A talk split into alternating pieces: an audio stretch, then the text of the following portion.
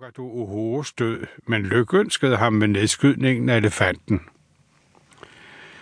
Nogle timer senere, da stødtænderne var blevet skåret fri, begav jagtholdet sig tilbage til campen, der lå cirka tre timers kørsel væk. Der var ingen, der havde nævnt Mogadu Uhures død med så meget som et ord. I campen gik livet videre as usual. Kokkene var allerede i fuld gang med at forberede middagen. Der var lagt rent tøj og håndklæder frem til de to hvide jægere, Hugh Kavanaugh og Victor Jonsen. Ingen anede uro eller uro. Og hvis de gjorde det, lod de sig ikke mærke med det. Victor Jonsen fik et vandfad til at vaske jagtstøvet af sig, præcis som han plejede. Da han var færdig og havde klædt om, fik han som sædvanligt serveret en large malt whisky ved lejrbålet, der var lagt an med hårde baobabknuder, så det brændte hele natten, og i hovedreglen holdt de vilde dyr væk, selvom der altid var en vagt, der holdt øje med området, hvis han da ikke var faldet i søvn. Hvis lejrens servicestab havde bemærket noget mystisk ved livet, var der ingen, der talte om det. Hugh Cavanaugh havde sørget for, at det var blevet anbragt i et separat telt, der var blevet flyttet omkring 100 meter væk fra de øvrige telte. Det var blevet ryddet for alle forsyninger. Ingen havde bemærket, at han havde lynet ligposen op og skåret hovedet af næren.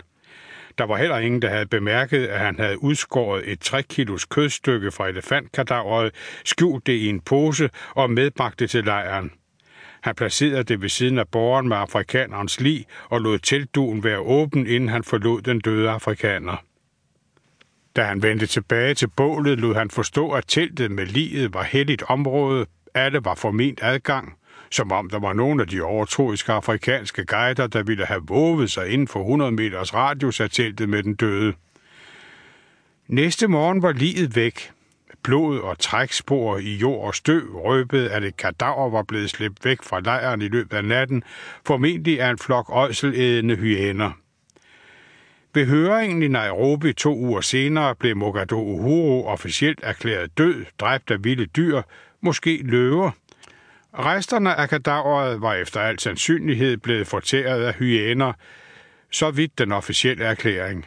Ingen talte om, at Victor Jonsens jagthold var blevet 100.000 rigere end planlagt, 150.000 for jagten og 100.000 for at holde ved historien om Mogadu Uhurus død. Hugh Kavanaugh og Victor Jonsen havde lagt låg på hændelsen, der blev omtalt i en kort notits i Nairobi Morning Times. Alt, hvad der stod, var, at en indfødt jagtguide var blevet fortæret af en flok hyæner. Det var, som Mogadu Uhuru aldrig havde eksisteret, Menneskeliv, især indfødte liv, var billige i Kenya. Nogle dage senere eskorterede Hugh Cavanaugh Victor Jonsen til Nairobis lufthavn. På grund af den tynde luft i lufthavnens 2.000 meters højde og varmen fra højsletten, var den planlagte afgang med det fire motors propelfly af typen DC-7 blevet udsat fem timer til klokken halv et om morgenen. Flyet skulle bruge det meste af startbanen for at lette, og det køligste tidspunkt, hvilket også betød den korteste startdistance, og det var netop klokken halv et om natten. Victor Jonsen undrede sig over, at Hugh Cavanaugh fulgte med ham hele vejen ud til flyet. Lige inden han steg ind i kabinen, smilede den engelske jagtleder og gav ham en tyk gul manila-konvolut, der var snørret med sejlgarn. Godt og vel en time efter start, da flyet var nået op i 6.000 meters højde og havde lagt den værste turbulens fra bjerglandskabet under sig, fik Victor Jonsen serveret en dobbelt malt whisky. Da han havde smagt på den, viklede han sejlgarnet af konvolutten og rystede indholdet ud. Der var omkring 50 jagtbilleder. Han smilede og gennemgik dem et for et. Der var jagthistorier nok til hele vinteren.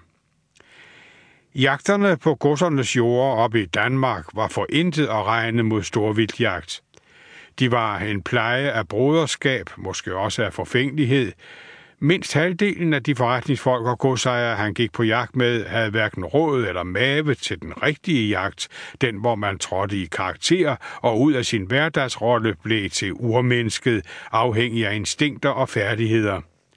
Nogle af jagterne hjemme havde udviklet sig til rene skovture, hvor rangorden, morgenritualer, frokoster og jagtmiddag efterhånden var lige så vigtige som jagten selv. Og hvis det ikke var for den gruppe af medløberne, der solede sig i de indflydelsesrige skygge, dem der lejede eller ejede jagterne, og som var nødvendige for, at der kunne blive tale om et egentligt jagtselskab,